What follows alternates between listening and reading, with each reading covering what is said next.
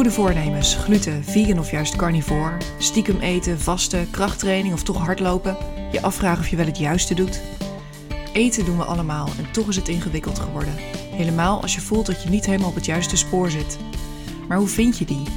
Waar moet je op letten als je wilt eten op een manier die beter bij je lijf en je leven past? Als je meer wilt ontspannen en genieten? Je luistert naar de Beter Eten podcast. Mijn naam is Charlotte Cederel en in deze podcast deel ik mijn eigen ervaring en ga ik in gesprek met experts en ervaringsdeskundigen. Leuk dat je erbij bent.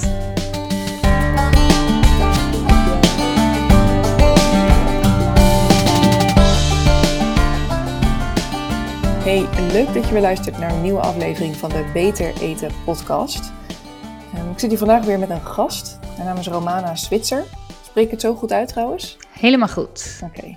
En ik heb Romana gevraagd omdat ik een hele tijd geleden al haar podcast op het spoor ben gekomen. Toen was ik zelf wat zoekende in ketogeen, carnivore. Ik zocht daar informatie over en in haar podcast vond ik dat eigenlijk. Um, toen ben ik hem ook weer een tijdje uit het oog verloren. En nu af en toe pak ik hem er nog weer eens bij als ik informatie wil over een bepaald onderwerp. En dan nou ja, heb ik het gevoel dat ik bij jou voor nou, best wel goede informatie en echte kennis, zeg maar, terecht kan. Het is iets meer dan gewoon alleen een ervaringsverhaal. En um, ja, dat vind ik wel prettig als ik weer op zoek ben naar een specifiek antwoord ergens over. Dus nou, vandaar dat ik je heb gevraagd en echt ontzettend leuk dat je hier vandaag uh, tijd voor wil maken en je verhaal wil delen. Nou, jij bedankt voor de uitnodiging. Ontzettend uh, nou, mooie introductie. En um, leuk om te horen dat mijn podcast ook uh, weer bijdraagt aan jouw eigen ontwikkeling daarin. Ja, ja zeker. Ja. hey, ik ken jou een klein beetje. Uh, namelijk via jouw podcast, maar ik denk de meeste luisteraars hier niet. Zou jij iets over jezelf kunnen vertellen? Um, misschien gewoon wat je doet, want je werkt ook helemaal met dit onderwerp. En ook iets over jouw eigen reis als het gaat om voeding, gewicht en uh, die thema's. Ja, tuurlijk. Ja, ik ben Romana Switzer. Ik ben 41 jaar oud. Ik ben moeder van drie uh, uh, eigen dochters. Uh, nee, ik zeg het helemaal verkeerd. Twee eigen dochters, één van 14 en één van 12. En drie bonuskinderen. Mm. Dan klopt yeah. die. Yeah. dat zijn allemaal grote kids, grote pubers. En we hebben er nog drie thuis wonen. Ik woon in Oestgeest met mijn vriend. Hij is horeca-ondernemer en leeft een heel Burgondisch leven. Um, en ik ja, volg eigenlijk sinds zeven jaar uh, weer opnieuw keto. En ik zal zo vertellen waarom dan weer opnieuw. En um, daarvan ongeveer uh, vanaf 2018 uh, dat ik ook in aanraking kwam met carnivore. En dat ben ik eigenlijk steeds een beetje op en af gaan doen. En de laatste 2,5 jaar um, ja, ben ik eigenlijk volledig carnivore gegaan. Oké. Okay. Um, ik ben zelf uh, 23 jaar geleden uh, 40 kilo afgevallen in vier maanden tijd. En ik had toen nog helemaal geen kennis over voeding. Het interesseerde me ook eigenlijk heel weinig. Ik was alleen veel te zwaar. Ik ben uh, naar Leiden verhuisd om daar te gaan studeren. En ik weet nog het moment dat ik in een, door de winkelstraat liep en in een etalageruit een, een gezicht opving van een dikke vrouw die mij aankeek. En ik realiseerde me in een split second dat ik dat was. En dat was zo'n confronterend beeld dat die vrouw veel dikker was in mijn ogen dan ik mezelf voelde. Dat daar echt ter plekke op straat de knop omging ik had weinig kennis over, over diëten. Um, dus ik, ik, ja, ik, ik ging maar wat doen. En met de kennis die ik nu heb, vind ik dat dan wel weer grappig hoe dat is gelopen. Want um, ik, ik kwam uit een huis waar er altijd eten was. Altijd veel, altijd veel koolhydraten. Um, en ik merkte al dat toen ik op kamers ging wonen, mijn eigen behoefte aan eten eigenlijk al anders was dan in mijn systeem. Mm-hmm. En ik had al veel minder. Ja, je moest het ook ineens zelf betalen, dus dat speelde misschien ook wel een rol. Um, voor mezelf koken vond ik niet echt leuk. Dus ik, ik ging um, vaak al één maaltijd per dag eten. Oké. Okay. Maar dat werd toen natuurlijk gewoon genoemd. Ja, jij slaat maaltijden over. Ja. Yeah. En um, ik ben toen wel um, echt laag in koolhydraten gaan eten, hoog in eiwitten. Uh, heel laag in vetten en ook echt laag in calorieën. Dus ik heb echt een heel laag calorieën of een heel groot calorietekort uh, gehad. Maar ik had één ding en dat was: ik wil slank worden. Niets en niemand houdt mij nu meer tegen. Ik heb er echt vier maanden alles aan gedaan en ik heb nul keer gecheat. En ik denk dat dat uh, een heel groot onderdeel van mijn snelle succes was. Ja. Um, en met de kennis die ik nu heb, hè, achteraf toen ik um, veel was afgevallen, ben ik, ben ik wel weer anders gaan eten.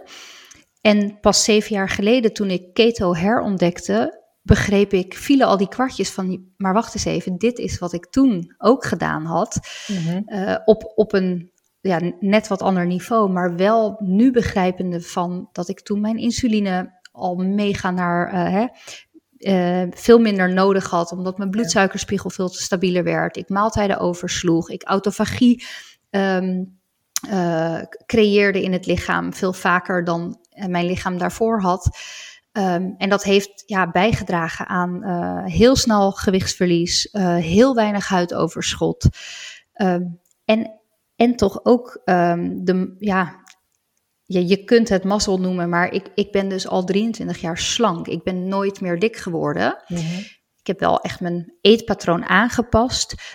Maar ik heb nog die tien jaar daarna, daar, dat deel ik ook altijd gewoon. Ik, ik heb daarna nog heel lang gerommeld met mijn eten, omdat ik wel bang was en, en iedereen waarschuwde mij ook, ja, als jij zo snel bent afgevallen, dat is heel slecht voor je. Dan uh, je zal zien dat je binnen een maand, binnen, binnen een half jaar, uh, uh, alles weer bent aangekomen en nog een beetje meer. En daarvan dacht ik, ho, ho dat gaat mij niet gebeuren. Ja. En toen heb ik wel mezelf gezworen, ik word nooit meer dik. Oké. Ja, dus ik heb daarna echt nog wel weer een, een, een in die tien jaar daarna een, een soort haat-liefde verhouding met eten gehad. En echt een strijd en op zoek. En ja, een beetje de panisch van, oh ja, elke kilo die er maar bij zou komen, moest er zo snel weer af. Want ik ging nooit meer dik worden.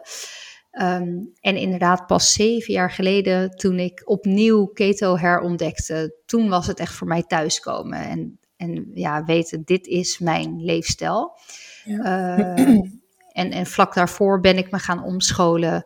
Ehm, ook in de voedingsrichting. Ik heb jarenlang in het speciaal onderwijs gewerkt. En daarvan voelde ik op een gegeven moment ook, uh, het is klaar. Burn-out gehad, scheiding. Moeilijk, moeilijk stukje in mijn leven. Ehm, maar dat was ook een uitnodiging om te kijken, oké, wat, wat wil je? En eh, wat, wat ga je nu doen als je niet meer in het onderwijs wil werken? En wat voor mij eigenlijk altijd iets was wat heel logisch leek, hè, 40 kilo af te zijn gevallen, um, kon ik op een gegeven moment wel zien van hé, hey, dat is iets waar mensen wel mij vaak naar vragen van hoe heb je dat gedaan? En um, ik kreeg op een gegeven moment wel meer, meer interesse in voeding en het lichaam en luisteren naar je lijf en in, intuïtief. En ja, toen wist ik op een gegeven moment, hé, hey, dat, is, dat is eigenlijk dat is misschien wel mijn, mijn pad, mijn missie. En ik ben me gaan omscholen um, als ortomoleculair therapeut. En daarnaast heb ik een specialisatie behaald uh, bij Tim Noakes in zijn academie voor mm -hmm. keto-specialist. Ja. Carnivore heb ik ook uh, een specialisatie in. En um, uh, nog niet zo heel lang geleden ook een, een, een, een, aantekening als ehm, ja, echt, echt food addiction en, en suikerverslaving uh, specialist. Ja. Omdat dat echt iets is wat ik heel veel zie in de carnivore wereld. Dat vrouwen daarop uitkomen omdat ze zo verlangen naar die eetrust. En um, ja, dat, dat vind ik een heel interessant stuk en, en, en een wat nieuwer stuk. Waar je nu ook wat meer informatie over vindt her en der. Ja, is dat ook echt iets nieuws dan voor jouw gevoel? In de zin van uh, is dat een, een andere tak van sport dan de mensen die bij jou kwamen uh, twee jaar geleden met goh, dit is mijn eetpatroon, ik wil heel graag afvallen, het lukt me niet, kun je me helpen? Nee, ik, ik denk niet dat, ehm, dat het in die zin nieuw is dat dit nog niet bestond, maar wel dat er nog geen erkenning voor was. Ja. En de echte erkenning voor food addiction bestaat nog steeds niet. Hè? Het, het is nog steeds niet opgenomen in de DSM 5 of 6 is het inmiddels. Daar zijn er uh, er zijn al heel veel artsen die wel werken met het idee van suikerverslaving en food addiction en echt behandelen als zijnde een verslaving. Um, en die proberen dit echt al jaren in de DSM uh, eh, te krijgen, maar dat is tot nog toe niet gelukt. Ja. Um, maar er worden wel uh, in hetzelfde stramien als um, drugsverslaving, uh, alle, alle andere soorten verslaving. Daar wordt wel met dezelfde behandelstrategieën um, gekeken naar suikerverslaving. Ja. En ik voel dat wel heel erg. En, en uiteraard, omdat ik gewoon zelf ook echt een food junkie in recovery ben, nog steeds, hè, nadat ik al 23 jaar slank ben, um, uh, ja, kan ik daar heel erg op, uh, op aanslaan, omdat ik gewoon ja, echt voel, voor mij was dat ook een verslaving. Ja. Um, en dat zie ik bij veel van mijn klanten ook. Ik zie eh, zoveel vrouwen struggelen jarenlang met, met voeding en elke keer weer terugvallen, omdat er juist één stukje blijft liggen. En als je daar meer kennis over gaat delen en handvatten voor geeft, dan um, ja, zie ik nu ook wel weer echt vrouwen die, uh, die een stukje eetrust vinden, die ze eerder nog niet hebben gehad. En dat, ja, dat is zo waardevol voor, voor die vrouwen die echt weten hoe het is om volledig eigenlijk uh, emotioneel uh, um, gevangen te zitten in hun eigen hoofd en alleen maar over eten kunnen nadenken. Wel eten, niet eten, wel een craving, niet een craving. Nou ja. ja. Hey, en wat is dan dat missende stukje?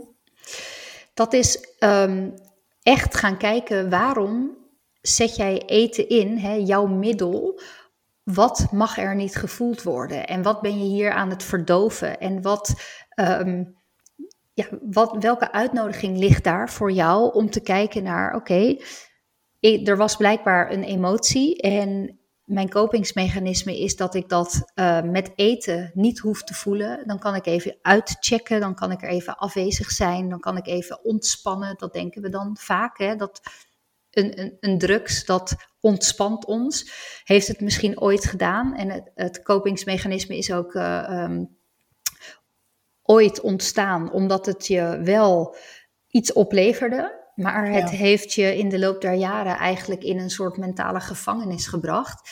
Um, en, en als je daar dan aan de slag mee gaat met, uh, in mijn geval met mijn klanten, um, ja, dan gaan we dus heel erg aan de slag met mindsetwerk, zo noem ik het dan. Mm-hmm. Uh, en dan gaan we dus echt kijken, oké, ik heb nu een craving. Ik wil, ik wil er liever niet aan toegeven, want hè, ik crave dingen die niet passen in keto of carnivore. Um, maar wat is er nou eigenlijk gebeurd? Ben ik moe? Verveel ik me? Um, ben ik ongesteld? Uh, ben ik chagrijnig? Heb ik een vervelende opmerking van mijn baas gehad die er nu pas uitkomt, omdat ik nu pas na mijn maaltijd op de bank de rust voel om mijn dag te verwerken? En als je daarmee aan de slag gaat en echt Um, ja, ik, ik, ben echt voorstander van pak een journal, pak een schrift, hè, ga mhm. schrijven en ga kijken wat er, wat waren je triggers, wat is gebeurd, kan ik achterhalen waarom ik nu eetdrang heb. En mm, ja, zo maak ik eigenlijk met mijn klanten een heel fundament, een heel bouwplan van hey, dit zijn mijn triggers. En we kijken vaak ook, hè, mensen met suikerverslaving zijn bijna altijd um, abstainers, hoe zeggen we dat in het Nederlanders? Uh, geheelonthouders. Ja. En um, die kunnen niet gematigd dat ene koekje nemen. En er zijn natuurlijk mensen die dat kunnen. Mijn vriend bijvoorbeeld ook, die kan één stukje chocola nemen. Ja, ik, ik kan het niet, maar ik wil het ook niet. Ik mhm. wil, als ik één stukje chocola proef, dan gaat mijn brein zo ontzettend aan van die suikers. Dat ja ik wil die hele reep. En um, die gaat dan geheid op. En ik kan veel beter uh, mezelf daarin remmen en zeggen: nee, dan gewoon helemaal niet. Daar kan ik beter weg van blijven. En dat lukt me goed. Maar, maar als er een moment komt dat ik denk: nou, dat ene paaseitje of dat ene stukje, ja, dan worden het er tien. Mhm. Ja, oké. Ik heb even een vraag nog over wat je net deelde over je eigen reis. Je, hebt, je zei op een gegeven moment ging die knop om. En toen ben je één maaltijd per dag gaan eten. Ehm, hoe makkelijk was het voor jou om je gewoontes in één keer zo om te gooien? Want dat is iets wat ik zelf bijvoorbeeld heel moeilijk vind. Ik kan echt heel erg gehecht zijn aan bepaalde eetmomenten of bepaalde eetgewoontes. En dat loslaten voelt echt als een hele grote stap. Dus ik ben heel benieuwd hoe dat dan voor jou is gegaan. Ja, um, ik denk dat het een klein beetje geleidelijk is gegaan, omdat ik, um, ik kwam denk ik in augustus daar wonen, of eind juli. En ik denk dat ik begin september echt, dat daar de knop om ging. En ik merkte al wel dat door het niet meer wonen in het systeem waar ik vandaan kom, dus, dus in mijn familie, in ons gezin, um, merkte ik als vanzelf al dat ik ja, niet de hele dag at. En dat was wel wat er bij ons thuis gebeurde. Dus hè, er was ontbijt en een koekje bij de koffie en een lunch en een koekje smiddags. En, en diner en een toetje en chips en kaas. Weet je, er was altijd eten in, in mijn herinnering. Ja. En ik weet wel dat toen ik op kamers woonde um, en je hebt, nou ja, je moet alles zelf doen en, en hè, je eigen geld beheren en dat soort dingen, dat ik wel merkte van ja, als ik nu gewoon alleen maar hoef te eten als ik trek heb en honger heb, at ik echt al vele malen minder. En ik denk omdat daarmee al uh, een deel van mijn bloedsuikerspiegel stabiliseerde, mm -hmm. dat, dat het op een gegeven moment heel erg makkelijk was om, om die maaltijd over te slaan. En ik denk dat ik begon met uh, dat dat eigenlijk al vanuit nature ging, dat ik de, uh, mijn ontbijt oversloeg. Um, en daarna, ja, toen, ik, toen eenmaal dus die knop omging, um, ja, was, was het ook niet iets wat ik kende, hè? want die termen kenden we nog helemaal niet. Dus het was meer iets wat me overkwam, doordat ik al anders ging eten. Oké, ja, dus het is echt ontstaan. Ja, In plaats ja. van iets wat je jezelf hebt opgelegd. Zo voelt dat wel, ja. ja. En um, ik woonde in mijn eentje op kamers. Ik, ik woonde wel in een huis, in een meidenhuis, maar uh, we hadden niet zo heel erg van, oh, drie keer per week eten samen. Hè? Ik had alles ja. voor mezelf. Dus in die zin waren de omstandigheden ook makkelijk. Ik had geen gezin, geen kinderen. Uh, ik hoefde alleen maar voor mezelf te zorgen. Ik dronk geen bier, geen wijn. Of ik dronk ook eigenlijk niet. Um, en dat is denk ik ook een deel van mijn succes geweest. Want als ik ja. mij volop in het studentenleven had gestort en, en uh, dol was geweest op biertjes, had het er waarschijnlijk heel anders uitgezien. Ja, ja. Oké. Hey, en wat veranderde er in jouw zelfbeeld toen dit gebeurde?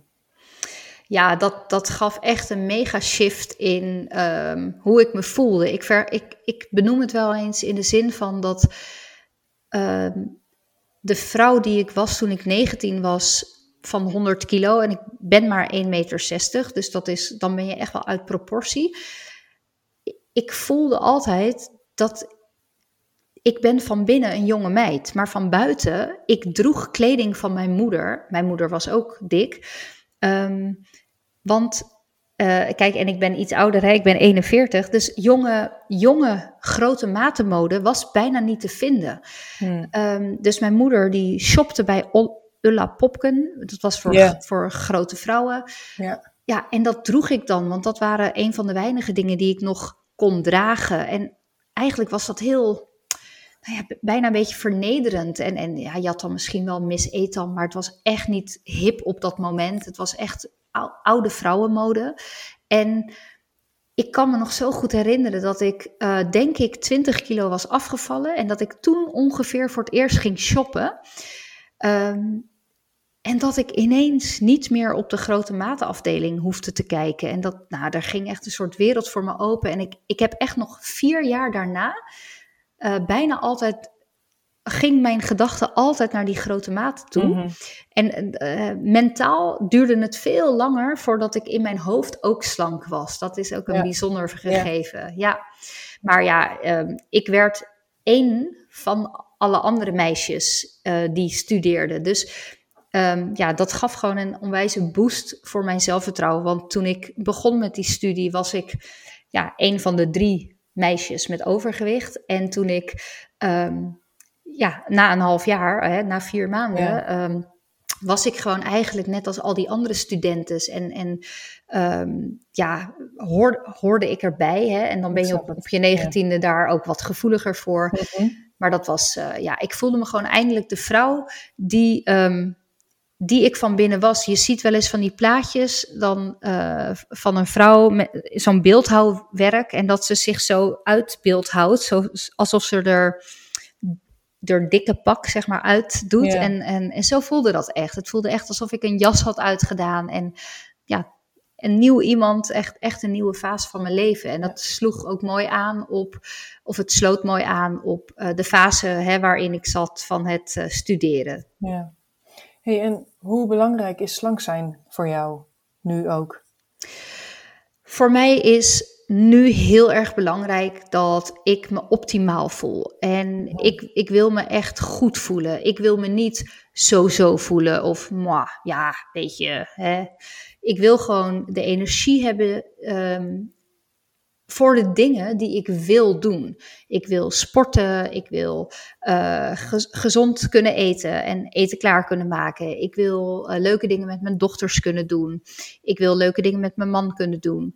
En dat is voor mij nu het allerbelangrijkste, dat ik me echt optimaal voel. En ik vind het ook nog steeds ontzettend leuk om daar te kijken van oké, wat kan ik nu doen? En, en ook als ik, uh, ik heb heus wel eens periodes dat mijn energie wat wegzakt of um, ik ineens wat huiduitslag krijg. En dan ga ik altijd kijken van oké, wat, uh, um, uh, waar kan ik iets verbeteren? En ik, hmm. ik, ik hou heel erg van biohacking. Hè. Ik ga altijd kijken en onderzoeken. En voor mijn vakgebied wil ik ook um, continu op de hoogte blijven van alle nieuwste ontwikkelingen. Dus ik, ik probeer veel dingen uit.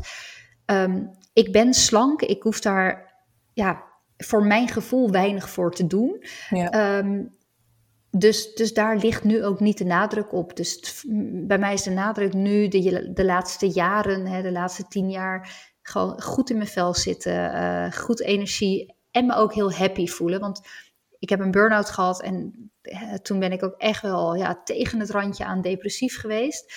Uh, ja, dat als ik dat hè, zou kunnen voorkomen, dat zou ik echt nooit meer willen. Ja. Oké. Ik zou je eigenlijk wel even iets willen vertellen over mijn ervaring met carnivore eten het afgelopen jaar. Ja. En ik ben er wel een beetje namelijk van teruggekomen. Dus ik ben benieuwd wat jouw reactie daarop is. Zo voor, wat voor tips je daar misschien in hebt. Of, uh... Heel benieuwd, ja. Oké, ik ben afgelopen jaar, heb ik het echt best wel strikt gedaan. Dat is wel een soort proces waar je ingroeit, maar Um, ik heb echt best wel heel erg veel maanden echt alleen maar botervlees, eieren uh, gegeten. En in het begin heel erg zoekende geweest met hoe doe ik dit met sport? Want ik ben uh, wielrenner en mountainbiker en dat, dat kelderde enorm. Um, en dat kwam later wel terug en ik heb nu wel, ook al eet ik nu niet meer strikt carnivore, nog steeds dat ik uren kan fietsen zonder te eten. Dus ergens is daar wel iets aangepast in mij en dat geeft wel een soort vrijheid. Maar zo sterk als ik was, ben ik met carnivore nooit geweest. En, en een ander ding waar ik tegenaan liep, is dat ik alleen maar aangekomen ben in dat ah. jaar. En um, ja, op een gegeven moment was ik daar wel een beetje klaar mee. Dat ik dacht, ik wil dit nu niet meer. En ik, ik heb zelf wel een soort gespannen relatie met eten ook heel erg gehad. En vasten is voor mij best iets moeilijks. Wat ik net ook aangaf met die gewoontes vind ik wel moeilijk om uit te komen. Maar ik ben nu gewoon weer wat terug bij mijn oude eetpatroon. Het is heel erg ketogeen eigenlijk. Uh, heel weinig koolhydraten. Wel wat, als ik ga fietsen en zo, dan merk ik dat het wel prettig is. Um, wel groentes. Um, wel notenpasta's en dat soort dingen. En er is een soort rust terug in mij. En met carnivore was ik het best wel aan het pushen. En ik bleef dus maar aankomen. Ja. Dus ik ben benieuwd hoe, wat dit bij jou oproept als je dit hoort. Ja, nou, uh, ik zeg altijd: er is geen one size fits all als het om voeding gaat. En ik denk dat dat, um, ik denk dat als je op het pad van voeding gaat. En zeker als je hè, eerder daar een gespannen relatie mee hebt gehad. Ik heb een aantal van je podcasts geluisterd. Dus daarin hebben we ook uh, deels een beetje overlap hoor. Hmm. Ehm, dan is denk ik het allerbelangrijkste waar je naar op zoek bent, is ehm, het opnieuw leren verbinden met je lichaam en uiteindelijk met je emoties. En als jij gaat leren luisteren naar wat jouw lichaam jou vertelt en dit ook op een goede manier kan interpreteren, ehm, dan gaat jouw lichaam jou vertellen wat het nodig heeft. En ik geloof er dus ook niet in, en dat zal je mij ook niet horen zeggen, dat bijvoorbeeld iedereen carnivore zou moeten doen, omdat ik, hè, als ik kijk naar de chemie, um, denk ik, ja, heel veel mensen zouden hier baat bij kunnen hebben. Maar uiteindelijk kan, kan ik er heel blij van worden. Ehm, maar zie je dus dat het voor jou niet op de lange termijn ehm, de resultaten opleverde waar jij je goed bij voelde. Ja. En ja, dan is het tijd om te kijken, oké, waar kan ik iets gaan aanpassen? Uh, om te kijken, hè, en dan heb ik het echt weer over dat optimaliseren van, ja, als jij zou blijven hangen in, oké, maar carnivore schijnt gewoon supergoed te zijn en ik blijf dit mhm. maar doen en doen, en je gaat voorbij aan, hé, hey, wat is nu het doel? Optimale gezondheid en je voelt je niet optimaal, ja, dan ga je echt voorbij aan, aan, aan hè, het luisteren naar je lichaam. Dus ik denk, ehm, kijk, gezondheid is in mijn ogen echt een werkwoord. Hè. We kunnen het niet één keer afvinken en dan klaar. Het is elke keer weer opnieuw kijken. En we komen allemaal wel een keer voor gezondheidsuitdagingen ook te, te staan. En ook dan is het elke keer weer bijsturen. Ja. Dus uh, het is ook wel een bekend gegeven. Hè? Uh, ik ben zelf ook heel erg zoekende in het sporten geweest. Omdat ik ook voelde van, nou, mijn, mijn kracht liep terug, mijn uithoudingsvermogen. Hè, uh, waar je normaal, als je koolhydraten eet, hè, kan je lang, snel en uh, felle uh, sprintjes trekken. Ja. Um, maar als je afhankelijk bent van je vetverbranding, dan, ja, dan voel je op een gegeven moment gewoon, nou, mijn tank is nu hè, leeg qua glucose. En eh, kom op, vetverbranding. Um, dus ik, ik ben zelf op een gegeven moment heel veel van die mensen juist gaan opzoeken die aan het bodybuilden zijn met uh, keto en carnivore. Je hebt uh, Rob Goodwin en coach Bronson Dent. Uh, zijn voor mij daarin um, echte bronnen van inspiratie. En soms zie je ook wel dat zij ook koolhydraten toevoegen voor trainingen. Ja. Um, en ik ben zelf, uh, ik, ik train ook hard. En ik merk dat ik, um, krachttraining gaat wel echt goed. En ik merk echt dat ik sterker ben geworden en spiermassa heb opgebouwd. Um, maar ik hou ook af en toe van een hit-training. Mm En dan merk ik wel toch dat ik dan, dan duurt dat maar heel kort steeds, die, die momenten van, van trainen.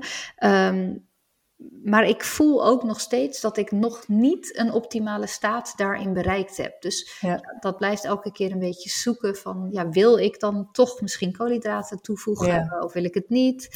Um, maar ja, ik, ik blijf dan wel heel erg kijken van, hey, welke mensen uh, hebben daar al heel veel ervaring in die ik nu nog niet heb? En wie kan ik daarin volgen en kijken of hun ideeën mij aanspreken?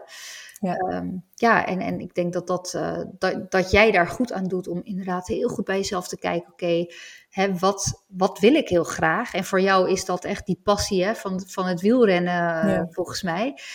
Ja, en als, als dat je zoveel levensvreugde geeft, dan wil je daar, daar optimaal ook in presteren. En ja, ja, als jij daar dan iets voor nodig hebt wat volgens een ander niet carnivore of misschien niet eens keto is, ja, ja. boeiend, zeg ik altijd. Ja, klopt. Het, het, gaat me denk ik niet per se om wat andere mensen keto of carnivore zouden vinden. Ik ben zelf gewoon op zoek naar ontspanning hierin. Ja. En, en, um, dus, en ik wil me daarin optimaal voelen. En dat is een beetje zoeken. Maar ik wil er ook liever niet te veel over nadenken, zeg maar. En dat, dat, dat is een beetje mijn default, om dat wel te doen. Dus dat, dat is een beetje mijn zoektocht daarin, überhaupt met voeding hoor. Maar ook wel met het sporten. En ik merk nu met wielrennen, nu ik af en toe gewoon wel een banaantje eet, uh, dat soort dingen. Wat voor kracht me dat geeft. Ja. Um, het is net alsof ik een soort turbo aanzet als ik dat even doe. Dus um, ja, ik, dat geeft mij wel een hoop. Ja, en hoe was het voor jou? Ehm, want je vertelde hè, van uh, met carnivore bleef ik eigenlijk maar aankomen. Dat is ook iets wat we wel eens horen. Maar heel veel mensen vaak aan voorbij gaan. Want die denken, oh carnivore, daar kan ik afvallen. Ja. Uh, daarin geef ik vaak aan bij, bij uh, mensen van... Hè, het gaat eigenlijk, carnivore gaat eigenlijk over heling van het lichaam. Hè, er moet eerst geheeld worden na soms jarenlang diëten, eetstoornissen... Um, dus als ik daar dan nog even op terugkom, uh, met wat jij zei van met uh, de weinige informatie die ik over jouw verhaal heb, maar zou ik me kunnen voorstellen dat het lijf ook nog steeds heel veel te helen had. Um, ben jij nu weer wat afgevallen, nu je wel weer dus een ander eetpatroon uh, aanhoudt? Nee, nog niet echt. Nee, nee. nee. En if, kon jij überhaupt met carnivore uh, die eetrust wel vinden? Of had je dat ook niet echt? Um, wel, wel een, wat, ik, wat ik daar ervaarde was rust na een maaltijd. Ja. Waar ik nu nog wel eens wat heb ik gegeten. En dan neem ik toch nog even een rijstwafel met wat tahini en hummus. Of toch nog even dit of toch nog even dat. Um, soort van binnen mijn veilige voedselcategorieën, zeg maar, die in mijn hoofd dan uh, uh, getolereerd worden. Ja. Maar, um, en ik had wel eens, als ik dan uh, twee rundervinken had gegeten als avondeten, dan was het daarna gewoon klaar. Ja, ja. Dus dat, kan ik, dat verschil kan ik wel ervaren, maar ik merk nu ook, um, er is, op een gegeven moment was er, een, was er een moment dat ik gewoon geen vlees meer wilde. Oh ja. Ik, ik wilde het echt niet meer. Ik wilde geen boter meer, ik wilde geen vlees meer. En dat, daar ben ik aan toe gaan geven. En nu merk ik dat die zin naar vlees weer terugkomt. Oh ja. Dus ik probeer ook dat gewoon wel wat te volgen. Dus, ja. Um, en ja, zo van, oh, zou, zou het ergens in het midden uitkomen? Uh, dat, ja, dat probeer ik de kans te geven om zich te laten zien. Ja, zonder er al te veel tussen te zitten. Wat best een uitdaging is. Snap ik, ja, ja. Ja, en het is wel een mooi onderzoek, uh, denk ik, voor jezelf. Om, om te gaan kijken van oké, okay, als ik um, ga volgen wat eigenlijk intuïtief dan hè, qua voeding ja. ook bovenkomt, ja. um, waar je dan inderdaad op uit gaat komen. En uh, ik heb wel eens periodes dat ik heel veel zin in lever heb, uh, kippenlever mm. of, of ander orgaanvlees. Ja, dan weet ik gewoon, hey, ik moet daar aan toegeven, want mijn lijf geeft blijkbaar aan dat het, nou ja, we denken dan vaak hè, vitamine A nodig heeft of iets wat die lever mij kan bieden. Uh, en ik heb ook periodes gehad um, dat ik dat high-fat carnivore, uh, dat, dat is wel wat ik nu nog doe, maar ik heb ook een periode gehad dat ik op een gegeven moment geen roomboter meer kon zien. Dat ik echt ja. dacht van, pff, nee, alsjeblieft, haal het weg. Uh, en dan stopte ik daar weer een tijdje mee. En dan nou, een paar weken later kwam het gewoon wel weer terug. Dat ik dacht van, oh, dat is ook interessant. Dat, dat, dat, dat ik er eerst bijna een afkeer tegen had. En ja. toch geef je lijf dan weer aan van, hé, hey, nou ja. is het wel weer tijd daarvoor. Ja. En daar dus op durven vertrouwen dat het... Ja, dat je lijf uh, wel aangeeft wat, wat het nodig heeft. En, en dat is natuurlijk soms ook als je carnivore wilt, maar je voelt toch dat jouw lijf aangeeft van, hè, in jouw geval bijvoorbeeld bij het sporten, um, wij zouden nu toch graag koolhydraten uit bijvoorbeeld fruit willen. Mm-hmm. Um, om, om dan inderdaad niet in een dogma te blijven hangen. Ja, maar ik doe ja. carnivore, dus dat gaan we niet doen. Ja. Um, en dat, ja, dat, dat is het voedingspatroon wat uiteindelijk bij je past. Ja, voor dat moment. Ja, ja, precies. Maar dat klopt hoor. En dat was ook wel iets, want ik, ik was helemaal het carnivore wereldje ingedoken. Alles luisteren, lezen, community. Ik heb me aangesloten bij de Steak and Butter Gang. Ja. ken je vast. Um, ik was er een podcast over gestart. En in één keer merkte ik, maar ik wil dit niet meer. En toen had ik even zo'n kortsluiting van, oké, en nu? Maar ja, uh, dat duurde gelukkig maar even. En uh, ja, nu is het meer gewoon mijn podcast ook over mijn ontdekkingsreis en over alles wat ik daarin tegenkom. Alleen ja, daar niet aan vasthouden, aan een stukje identiteit die je dan aanmeet. En ook een stukje veiligheid die je vindt binnen een bepaald kader. Dat is voor mij ook wel eh, ja, de weg die ik te gaan heb, zeg maar, om die vrijheid te gaan ontdekken en ervaren. Ehm, die mijn lijf en, en, en daarin mijn lijf volgen, zeg maar. Ja, ja. En ik denk dat je daarin onwijze inspirator kan zijn voor heel veel andere vrouwen. Want ik, jouw verhaal staat niet op zichzelf. Het is Mhm. zo'n ontdekkingstocht voeding voor heel veel vrouwen. Zeker als, je, als je eerder in je leven daar toch ingewikkelde relatie mee hebt gehad. En hoeveel Ja. vrouwen hebben dat niet? Ja. En we verliezen, we, hè, we kunnen onszelf ook snel verliezen in, oh, maar keto is echt het Ja. allerbeste. En dan daarin ook rigide worden. En dat is ook iets wat ik ehm, heel vaak zeg tegen mijn klanten van, wees inderdaad niet rigide, want je mag, jij mag beslissen dat jij vanaf nu weer wat anders gaat doen. Maar, maar als jij in je hoofd houdt dat je gaat voor je optimaal voelen, dan is altijd alles, alle keuzes die je daarin maakt, zijn volgens mij de juiste keuzes. En, en of Pietje het nou carnivore met fruit noemt en, en, Ja. en Daisy zegt nee, maar ik, ik eet alleen maar vlees en alleen maar eh, beef en boter. Weet je, je moet je eigen pad daarin vinden. En juist doordat, doordat jij dat dan ook zo open en eerlijk deelt en je struggles erin, geeft dat denk ik ehm, heel veel vrouwen ook hè, de, de toestemming tussen haakjes. Van, oh ja, wacht, ik hoef me niet te claimen dat ik nu de rest van mijn leven carnivore Klopt. eh, ben en volg. En, en, en anders word ik daar weer uit de community geknikkerd. Want hè, we worden allemaal zo dogmatisch als we ergens voor willen gaan. En ik denk Klopt. juist dat het zo mooi is om heel erg open te blijven. En ehm, ja, die optimale gezondheid gewoon echt voor ogen houden. En, en ja, kijken wat daar ja. jouw weg in is. Ik even een anekdote delen en daarna heb ik nog een vraag voor je. Maar ik krijg best wel vaak mailtjes van mensen eh, die zich heel erg herkennen in mijn verhaal. En eh, die gaan dan helemaal mailen wat hun reis is geweest. Soms hebben ze vragen of we bellen eventjes als ze ergens in vastzitten. En pas had ik een vrouw aan de telefoon die ehm, toen ze hoorde dat ik weer wat groente was gaan eten, had ze echt zoiets van, ah, Ja. oké, dat kan dus. En toen dacht ik echt, wauw. Ja, ik, ik snap het, want ik kan ook wel vi- YouTube-video's kijken en denken, oh my god, dit moet ik gaan doen. Ehm, en dan, ja, maar dat, dat iemand anders dus leidend voor je gaat worden in eh, wat je dan van jezelf mag. Ja, En, eh, en soms geeft het eventjes hou vast wat iemand anders doet, maar nou ja, dat vond ik wel heel tekenend. En ik dacht, en ik herken mezelf erin. Want eh, ja, zo kan ik ook wel eens een beetje ergens in verstrikt raken. ja, ja. Hey, maar wat ik jou nog wilde vragen, kun jij eens vertellen, want mensen die hier naar luisteren, die zijn toch een beetje geïnteresseerd in eten, ehm, wat voor jou op dit moment een beetje je eetpatroon is? En ik snap dat dat kan veranderen en zo, maar hoe, wat werkt nu voor jou? Ehm, ik ben nu ehm, eh, op het punt dat ik eh, in de ochtend eh, vast. En mijn eerste maaltijd is meestal rond een uur of twaalf. Dan heb ik wel echt trek. Eh, ik ben dol op gehakt. Ik hou heel erg van simpel. Ik, ik ben niet iemand die het ook allemaal heel bijzonder moet hebben. Eh, ik wil gewoon lekker simpel, snel, klaar en smaakvol. Eh, dat vind ik bijvoorbeeld in, ingehakt. Of van die ehm, kant-en-klare burgers heb je wel eens. Vind Ja. ik ook prima. Of ik maak, maak van gehakt gehaktballen en gooi ze in de airfryer. Gewoon heel simpel.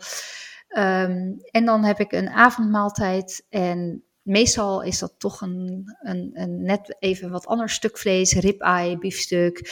ehm, net waar ik zin in heb. Soms een stuk zalm.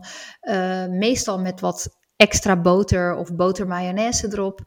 Ehm, en dan sluit ik mijn eetraam. Eh, ik drink wel koffie tijdens mijn vast. Eh, dat is ook iets waar ik eh, geen behoefte heb om van af te komen. Vind ik heerlijk. Hou ik er lekker in. Ehm, ik heb ehm, momenten dat ik soms weken achter elkaar één vast in de week doe. Dus een langere vast van 36 uur. Ehm, dat vind ik heel veel rust geven. Dus dat is wel iets waar ik, waar ik me lekker in voel. En wat ik, eh, dat is misschien nog leuk om even kort aan te stippen.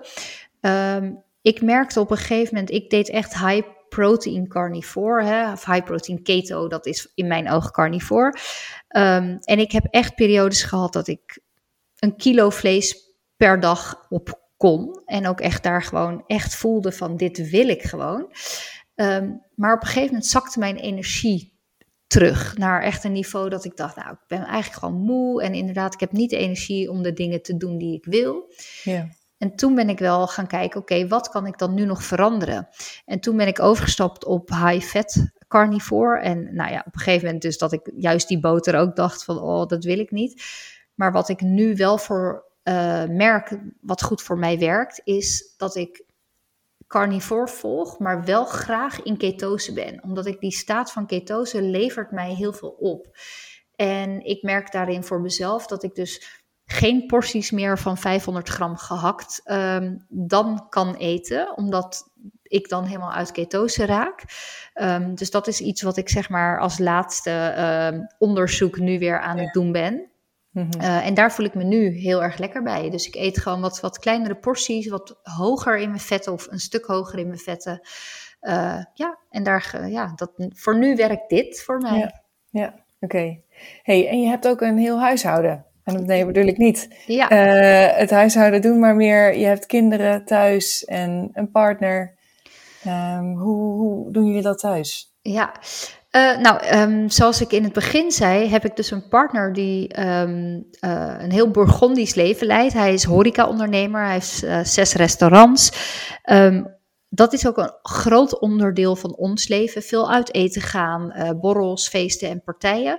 en dat is wel iets waar ik een inspiratie in wil zijn. Heb bijvoorbeeld op Instagram dat het leven echt nog steeds super fijn en leuk is. Ondanks dat je dus keto doet of carnivore. Omdat ik heel vaak te horen krijg van vrouwen: ja, maar dan mag ik helemaal niks meer. En dan denk ik: ja, ik voel alsof ik alles mag, maar ik maak hele bewuste keuzes. Ja. Um, dus thuis uh, kook ik meestal gewoon de basis hetzelfde. Dus hij eet mijn vlees mee uh, en hij maakt er dan een salade bij of aardappelen. Hij eet niet keto en mijn kinderen ook niet. Um, en ik heb het nooit een probleem gevonden om drie of vier maaltijden klaar te maken. En dat is wel iets wat ik ook heel vaak van andere vrouwen te horen krijg van... Ja, maar ik wil niet anders koken voor mijn gezin, want dat heb ik geen tijd voor. Ik heb een drukke baan. Ja, ik heb ook een druk bedrijf. Ik heb vijf kinderen. Ik heb een partner. Uh, en wat ik dan altijd zeg, weet je, jouw gezin heeft waarschijnlijk niet dezelfde doelen die jij hebt. Hè, misschien kunnen jouw kinderen, die zijn nog heel erg um, gevoelig voor insuline. Dus die hebben nog niet uh, de problemen in hun lijf die jij wel hebt en die, waar jij de wens over hebt dat jij ze wilt oplossen. En soms vraagt dat dan van jou dat je voor jezelf tijdelijk uh, um, anders gaat koken. Maar dat heeft wel weer echt te maken met jezelf op nummer 1 zetten. Um, om te zeggen, weet je, prima, dan duurt het misschien tien minuten langer. Um, maar ik ga dit doen, want ik wil dit voor mezelf. Um, en ik denk, dat is gewoon ook echt een mindset shift. Dus, dus je moet hem echt even omzetten van, ja, weet je, misschien is dat nu nodig. En je wordt daar super creatief in. Want hè, als ik een eenpans maaltijd maak, dan maak ik hetzelfde gerecht, maar dan met gezonde koolhydraten voor mijn kinderen. Weet je, ja, ik, ik zie het gewoon niet als een probleem. Dus dan is het dat ook niet. Ja ja, snap ik. Herken ik ook wel. ik heb mijn vriend, die is vegetarisch. Uh, wij koken uh, best wel vaak twee, allebei gewoon ons eigen gerecht. En dat is echt helemaal prima. dat, maar dat is, oké, okay, wij zijn met z'n tweeën. Maar in het begin vond ik dat, dacht ik, oh shit, toen ik hem leerde kennen, toen had ik al carnivore, hij vegetarisch. Hoe gaan we dit doen? Uh, in het begin gingen we alleen maar uit eten, omdat ik dacht, ja, hoe moeten we dat gaan doen met koken? Maar nu hebben we zo ja. onze modus daarin uh, twee pannen. En omdat ik wat meer naar uh, ook gewoon groentes aan het toebewegen ben, zeg maar, wordt, hebben we pas een keer hetzelfde gerecht gegeten voor het eerst. En we zijn ja. iets van drie kwart jaar samen. Dus het was voor, dat we voor het eerst hetzelfde aten. En het is dat, ook al is hij vegetarisch, hij doet wel eens mee met mijn rundebouillon bijvoorbeeld. Omdat hij denkt, ah, misschien wil ik dat toch wel weer eens een beetje proeven. Misschien is het toch ook wel een beetje goed voor me. Dus, nou ja, het is voor hem ook een soort journey. Um, maar ja, dat, dat je gewoon twee totaal verschillende gerechten kunt koken en dat het dan best gezellig is om samen te koken, dat, was, dat moest ik ook ontdekken. Ja. En, uh, en dat dat gewoon prima kan, dat is eigenlijk heel fijn, want dat maakt dat ik altijd kan eten wat ik wil. En dat vind ik heel fijn. Ja, ja, dat geeft ook ergens weer dus een bepaalde vrijheid. Ja, ja. En ook leuk om het samen te ontdekken. Van, dat je in het begin, kan ik me voorstellen, dat je echt denkt van oeh, kan dit? Hè? Is dit verenigbaar bij elkaar? Uh, en dat heb, die ontdekkingstocht heb ik met mijn vriend ook gehad. Hè, van Bourgondische horeca-ondernemer. Dat met een health coach, weet je, dat kan niet. Dat is echt een, hè, dat staat mijlenver van elkaar. Maar ja, we vinden uh, juist eten verbindt ook heel erg. Mm en, en we hebben daar allebei een passie voor, maar net vanuit een andere hoek. Maar ja, het werkt prima. Ja, het werkt heel goed. Ja, en juist ook uit eten gaan. Ik, ik vind dat zelf met keto en carnivore uh, het allermakkelijkst van alle diëten die ik ooit ook in mijn leven heb gedaan. Denk ik, ja, mhm. weet je, uh, je scant even een kaart en uh, ja, je weet gewoon makkelijk wat te kiezen. Dus dat is ook nooit een probleem. Nee. Hey, en alcohol? Hoe doe jij dat? Um, daar heb ik um, um, nou, een haat-liefde verhouding klinkt een beetje heftig. Nou ja, maar ik, ik, herken het namelijk, dus daar ben ik ook nieuwsgierig naar. Ja, ja nou, ik heb, um, uh, ik heb periodes dat ik um, helemaal niet drink. En ik heb nu periodes dat ik af en toe een wijntje neem. Um, maar die eerste vijf jaar met mijn vriend, die waren heel erg lang leven, uh, het leven en het leven vieren. En toen heb ik ja, ook wel in zijn wereldje uh, ja, daar, eh, alcohol is overvloedig, zeg maar. En iedereen drinkt mooie en dure wijnen. En ja, was voor mij ook een heerlijke wereld die openging. Ja. Um, en toen heb ik me daar echt, eh, hè, ben ik lekker in meegegaan. Maar dan heel erg op mijn voeding letten, maar wel die wijn. En nou, ik weet niet of jij bekend bent met een keto of carnivore kater. Ik heb echt de verschrikkelijkste katers ooit gehad in die vijf jaar. Omdat mijn lijf kan met keto en carnivore heel weinig alcohol eigenlijk verdragen. Dus na drie wijntjes ben ik de volgende dag al, uh, heb ik al een kater. Hmm. Dus ik heb um, in de laatste twee jaar ben ik daar wel echt anders naar gaan kijken. En echt ook denken van, weet je, dit is eigenlijk voor mezelf niet meer zo verenigbaar met aan de ene kant heel gezond willen doen en doen. En aan de andere kant wel uh, drie dagen van de week lekker wijntjes. En um, uh, op een gegeven moment ook voelen, weet je, het had dan zoveel impact op de dag erna. Dat ik dacht, ja, weet je, dat kan helemaal niet meer met een eigen bedrijf. Ik kan me dat niet meer permitteren, maar ik wil het ook niet meer. Ja. Dus ik heb uh, een tijdje terug, een periode, heb ik 65 dagen niet gedronken. Ja, dan voel ik me dus nog optimaler. En nu heb ik dat ik af en toe, ik denk dat ik twee, drie wijntjes in het weekend drink. En ja, dat, dat is voor mij prima en daar, ja. daar voel ik me goed bij. Ja, mooi. Ik vind het heel mooi hoe je vertelt um, dat het echt een proces is. Tenminste, dat is mijn, uh, wat, wat ik eruit haal. En die eerst gewoon je daar helemaal toch lekker aan toegeven. Soms is dat ook nodig, zo'n periode, om er even helemaal in onder te dompelen. Om vervolgens van binnenuit achter te komen van, oh ja, ergens scheurt het een beetje. En dat dan van binnenuit zo'n verandering dus wel komt. Uh, in plaats van dat het van bovenaf een regel is die wordt opgelegd, uh, omdat het ergens wel of niet binnenvalt. Ja, ja. En zo is het ook met voeding. Want ik, ik doe nu zeven jaar keto, maar in die zeven jaar, en dat hoor ik jou ook zeggen, en daarom is het denk ik ook zo belangrijk dat wij onze verhalen blijven delen. Mhm. Het was niet van, oh, ik heb uh, keto weer ontdekt en dat is één rechte lijn van succes. En dat doe ik al zeven jaar. Nee, ik heb, uh, ik heb heel erg ketogriep gehad, omdat ik de kennis nog niet had, uh, zeven jaar geleden. En um, uh, met carnivore heb ik ook een periode gehad dat ik aankwam en dacht, oh ja, oh wacht, dat is ook niet helemaal de bedoeling. En ja. um, dus ik ben ook elke keer, hè, blijf je daar flexibel in en, en um, ja, gewoon elke keer kijken, oké, wat, wat vraagt mijn lijf nu van mij? Of wat vraagt mijn leven van mij? Want wat ik ook heel belangrijk voor vrouwen vind, is ga leren leven in het ritme van je cyclus. Met eten ook. Want hoeveel vrouwen ik ken die hebben afgesproken met zichzelf, ik doe aan intermittent fasting. En dan dan zijn ze ook heel rigide daarin. En zo van, nee, maar ik, ik eet elke dag pas om 12 uur tot 6 uur. Maar als jij vlak na jouw ijsprong zit, dan wordt jouw lichaam verhoogd insulineresistent. Krijg jij meer honger, want die hormonen veranderen. En dan zijn er vrouwen die heel erg blijven vasthouden aan, ja, maar ik heb toch geclaimd dat ik dit doe, dus ik moet dit nu volhouden. En dan ga je dus heel erg voorbij aan de signalen die jouw lichaam je geeft. Dus ik heb zelf ook hè, door schade en schande moeten leren. Nee, oké, die laatste week voor mijn menstruatie moet ik het vaste loslaten. Want als ik rigide blijf zeggen, ik ga pas eten om 12 uur en ik sluit mijn eetraam om 6 uur, uh, mondde dat eigenlijk geheid uit, s'avonds in een eetbui. En dan niet met keto spul, maar gewoon in die reep chocola. Dus ik heb dat ook moeten leren van, oh ja, je moet daarin voor jezelf flexibel blijven en um, ja, niet claimen van, ik moet dit nu blijven doen en dat is de afspraak. Maar wees, ja, kom echt in verbinding met je lijf te staan, want jouw lijf kan echt de weg aangeven. Alleen we moeten dat leren weer. Want ja. ja, weet je, kinderen worden echt al afgeleerd om te luisteren naar hun lichaam. Hè? Je moet je groente opeten. Je moet je bord leeg eten. Je moet. Ja. En dan denk ik, oh, met de kennis die ik nu heb, denk ik, oh, dat had ik het al anders willen doen met, bij mijn kinderen. En ehm, veel meer laten, laten, dat zij konden laten zien. Ja. Oké, dit is wat ik nodig heb. Maar ja, dat is ook weer een hele ontwikkeling in het ouderschap. Tuurlijk. Ja, ja, tuurlijk joh. En um, nou ja, ik denk wat je, wat je nu kunt doen is het voorleven.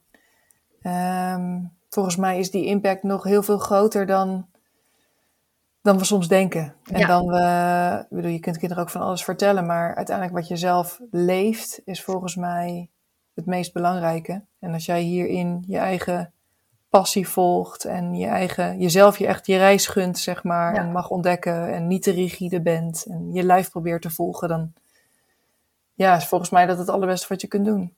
Zo, zo sta ik er helemaal in. Ik noem dat ook heel vaak zo. Hè. Het, het, ik, ik leef het goede voorbeeld. En of zij daar zelf ooit interesse in hebben, dat vind ik ook aan hun. En zij hebben hun eigen pad daarin. En wat ik wel weet, is dat de basis die ik, die ik mijn kinderen bied, is wel echt anders dan wat ik van huis uit heb meegekregen. Ja. En dat voelt voor mij goed. Maar ik doe mijn kinderen bijvoorbeeld niet. Ehm, uh, in een keto-kader duwen nu.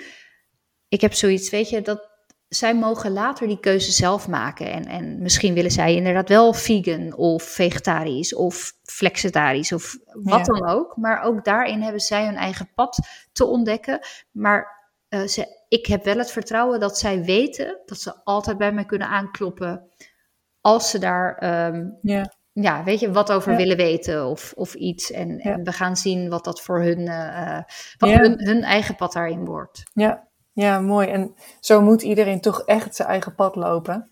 Net zoals wat jij net vertelde over, je hebt echt moeten ontdekken dat uh, rigide vasten, ook uh, los van je menstruatiecyclus, zeg maar, dat werkt dus blijkbaar niet. Want dan komt er een eetbui en dat kunnen wij vertellen. Jij kan dat vertellen tegen je klanten en toch moeten ze het waarschijnlijk soms zelf ontdekken, ervaren en merken, oké, wacht. Nee, Romana heeft het een jaar geleden tegen mij gezegd.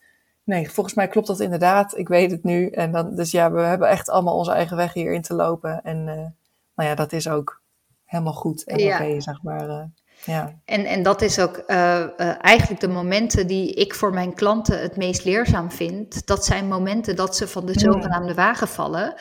Ja. Want, dat zijn leermomenten. En ik leer dan ook hè, van, we noemen dit geen falen en je, het is niet al, nu toch al verpest. Maar het is wel een uitnodiging om te kijken, oké, wat is nu, wat was de trigger? Waarom gebeurde dit? Had ik, hè, wat zou ik volgende keer kunnen doen om het te voorkomen? En dan zie je dus inderdaad heel vaak van, oh ja, ik zat voor mijn menstruatie en ik wilde vasten. En nou ja, hè, dus, dus die ervaringen zijn... Ehm, die brengen je denk ik uiteindelijk dichter bij die eetrust. En ik denk dat heel veel vrouwen daar naar op zoek zijn. En welk patroon daar nou ook bij past of niet. Ehm, volgens mij zijn de meeste vrouwen op zoek naar eetrust en hè, een, een, lichaam waar ze zich lekker in voelen. En dat hoeft echt niet voor iedereen maatje 36 te zijn. Ehm, maar die combinatie is denk ik uh, voor de meeste vrouwen uh, wat, wat ze zouden willen. Ja, ja hey, waar kunnen de luisteraars uh, jou vinden? En um, wat, wat bied je aan? Ja. Uh, ik ben te vinden op Instagram, romanazwitser.nl. eerst een S en dan een Z. Uh, Maar als je Romana, er zijn er niet heel veel, dus uh, meestal plop ik dan naar boven. Um, ik ben sinds kort ook een YouTube-kanaal gestart. Um, en dat heb ik jou ook horen zeggen in het begin. Hè. Er is heel weinig informatie in het Nederlands over keto en carnivore. Um, en dat is ook een deel van mijn missie. Ik, dat, dat was toen ik ermee in aanraking kwam, um, is mijn, mijn, mijn zin altijd, ik wil uh, keto in Nederland op de kaart zetten en het liefst ook op de menukaart. Um, uh, toen ik ooit in Zuid-Afrika was, zag je daar op alle menukaarten een hashtag met low carb proof staan. En toen dacht ik, ja, dat zou echt mijn wens zijn om dat ook in Nederland te krijgen. Ja. Um, dus YouTube, uh, ook onder Romana Zwitser. Um, daarnaast heb ik een um, online programma voor mensen die uh, wel eens van keto gehoord hebben of van carnivore. die dat ook wel eens zouden willen ervaren, niet zo goed weten waar ze nou moeten beginnen.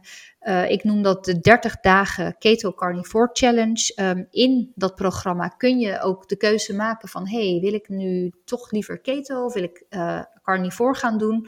Um, en ik geef daar ook een persoonlijk advies op. Hè. Uh, soms zijn er aanleidingen dat ik zou zeggen van joh, misschien is voor jou carnivore uh, een goede insteek. Um, ja, en dat is uh, eigenlijk het, het, het meest gangbare programma ja. wat mensen bij mij eigenlijk altijd als eerste volgen.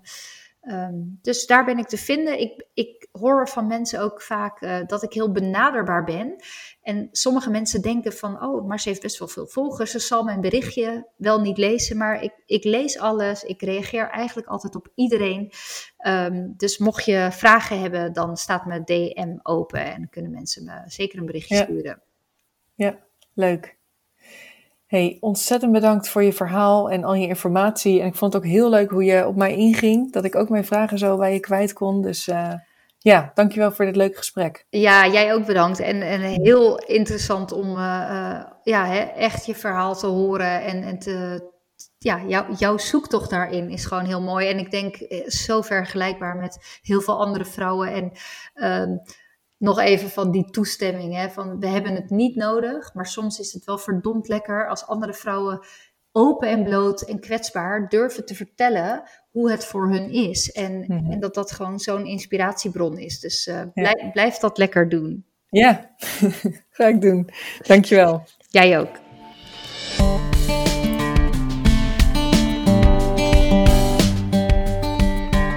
Dit was hem weer. Dankjewel voor het luisteren en heel graag tot de volgende keer.